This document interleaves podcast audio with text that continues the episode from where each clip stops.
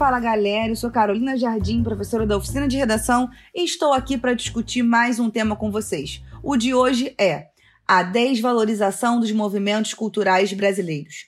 Não tem como falar de cultura brasileira sem lembrar da nossa literatura, mais especificamente do movimento antropofágico idealizado por Oswaldo de Andrade e Tarsila do Amaral. O movimento antropofágico falava que a gente precisava não reproduzir outras culturas e nem teogeriza outras culturas, mas que a gente precisava misturar aquilo que nós temos de origem cultural para produzir a atual cultura brasileira, porque nós temos um processo histórico de miscigenação muito grande. Então, a nossa cultura é uma cultura plural. E o Manifesto Antropofágico fala justamente disso, de como a pluralidade da cultura brasileira deve ser exaltada. Então, você pode começar a sua contextualização com esse repertório sociocultural para falar que, infelizmente, em vez da valorização do movimento antropofágico, nós temos, na prática, a desvalorização dos movimentos culturais brasileiros. Beleza? E por que que a gente desvaloriza? Quais são as provas de que a gente valoriza a cultura brasileira? Primeira prova, que é o nosso argumento 1, um, o darwinismo social. O que, que é isso? É a hierarquização de culturas. Quando a gente tem, por exemplo, um senso comum de que determinadas etnias são mais importantes do que as outras, então aquela cultura é mais importante, deve se sobrepor a outras. E quando a gente pensa no nosso processo de colonização, nós temos marcas históricas disso. Gente, pensa comigo.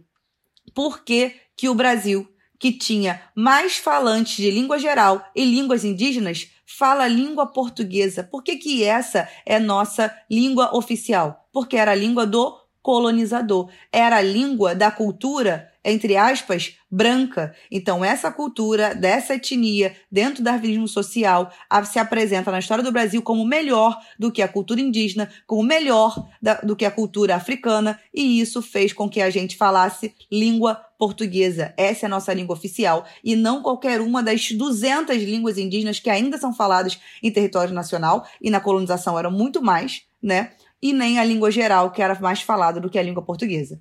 Outra prova que também vem da nossa colonização de que há um darwinismo social que faz a gente valorizar a cultura brasileira é o sincretismo religioso, quando o candomblé e a ubanda, por exemplo, tiveram que ficar disfarçados de cristianismo porque a cultura hierarquizada branca era superior, que pregava o cristianismo, a catequização dos indígenas, lembra disso? E por isso tiveram que disfarçar o candomblé e a para não serem criticados, julgados ou discriminados por causa disso. E a gente vê isso até hoje. Se a gente parar para pensar, se a gente pular 1500, chegar mais próximo aos anos atuais, a gente vê que hoje o funk é um movimento cultural brasileiro desvalorizado, taxado de inferior por causa de quem produz, qual a linguagem que produz e como produz.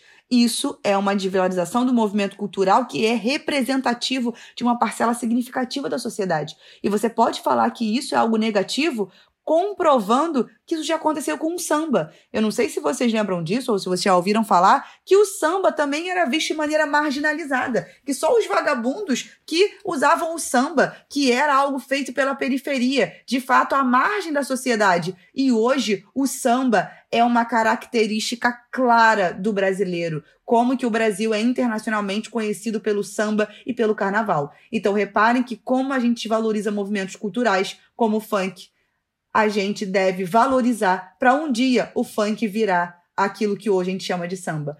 Ou seja, para a gente valorizar os nossos movimentos culturais, em vez de ficar achando que o parâmetro de cultura boa é o é a cultura que vem de fora, é a cultura branca e não a nossa cultura miscigenada. Beleza? Então esse é o nosso argumento 1. Um, falar como que o darwinismo social faz com que a gente valorize os movimentos culturais brasileiros.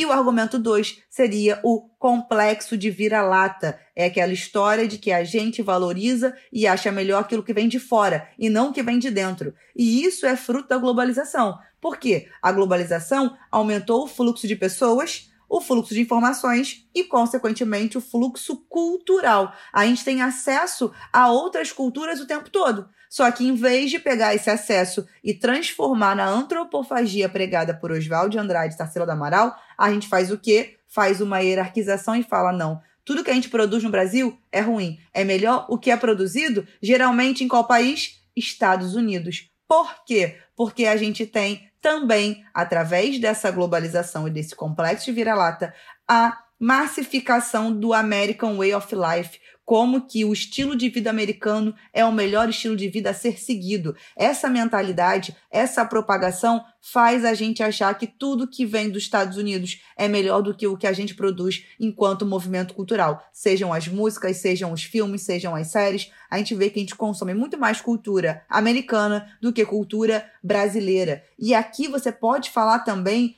do conceito de indústria cultural de Adorno e Horkheimer, porque isso não é aleatório, gente. Por que, que vale a pena eu padronizar culturas em vez de valorizar a pluralidade? Porque quando eu padronizo culturas, eu vendo a cultura de maneira massificada e eu lucro em cima disso. Então você pode fundamentar o argumento do complexo de vira-lata a partir dos conceitos de globalização, American Way of Life e indústria cultural de Adorno e Horkheimer. Beleza?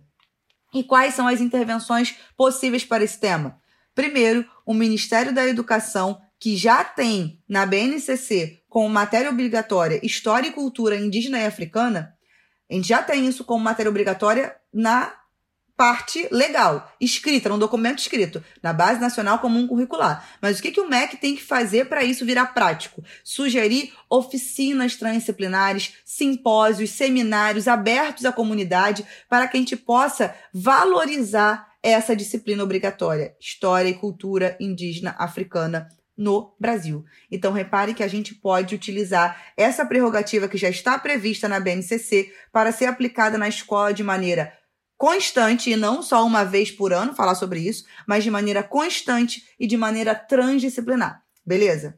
Uma outra proposta de intervenção é a Ancine, que é a Agência Nacional de Cinema, fazer ficções engajadas com valorização das produções culturais brasileiras. Como assim? Por exemplo, um filme nacional pode ter um ingresso mais barato do cinema do que um filme internacional, porque a Ancine pode fazer é, acordos com as empresas de cinema para falar: olha só, a gente vai pagar 20% do valor do ingresso, então você vai cobrar do telespectador só 80% do valor, para que a gente possa popularizar o acesso a filmes e produções culturais brasileiras. Ou a gente pode também utilizar a Lei Rouanet de maneira majoritária para produções que visam a mostrar movimentos culturais atualmente desprestigiados no Brasil, como funk, a gente deu no exemplo lá do nosso argumento 1, beleza? Então a gente pode utilizar a Lei Rouanet e a Ancine para conseguir valorizar os nossos movimentos culturais,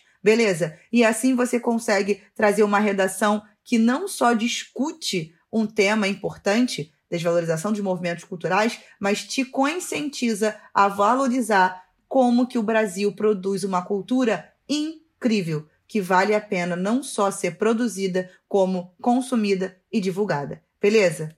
Até o próximo podcast.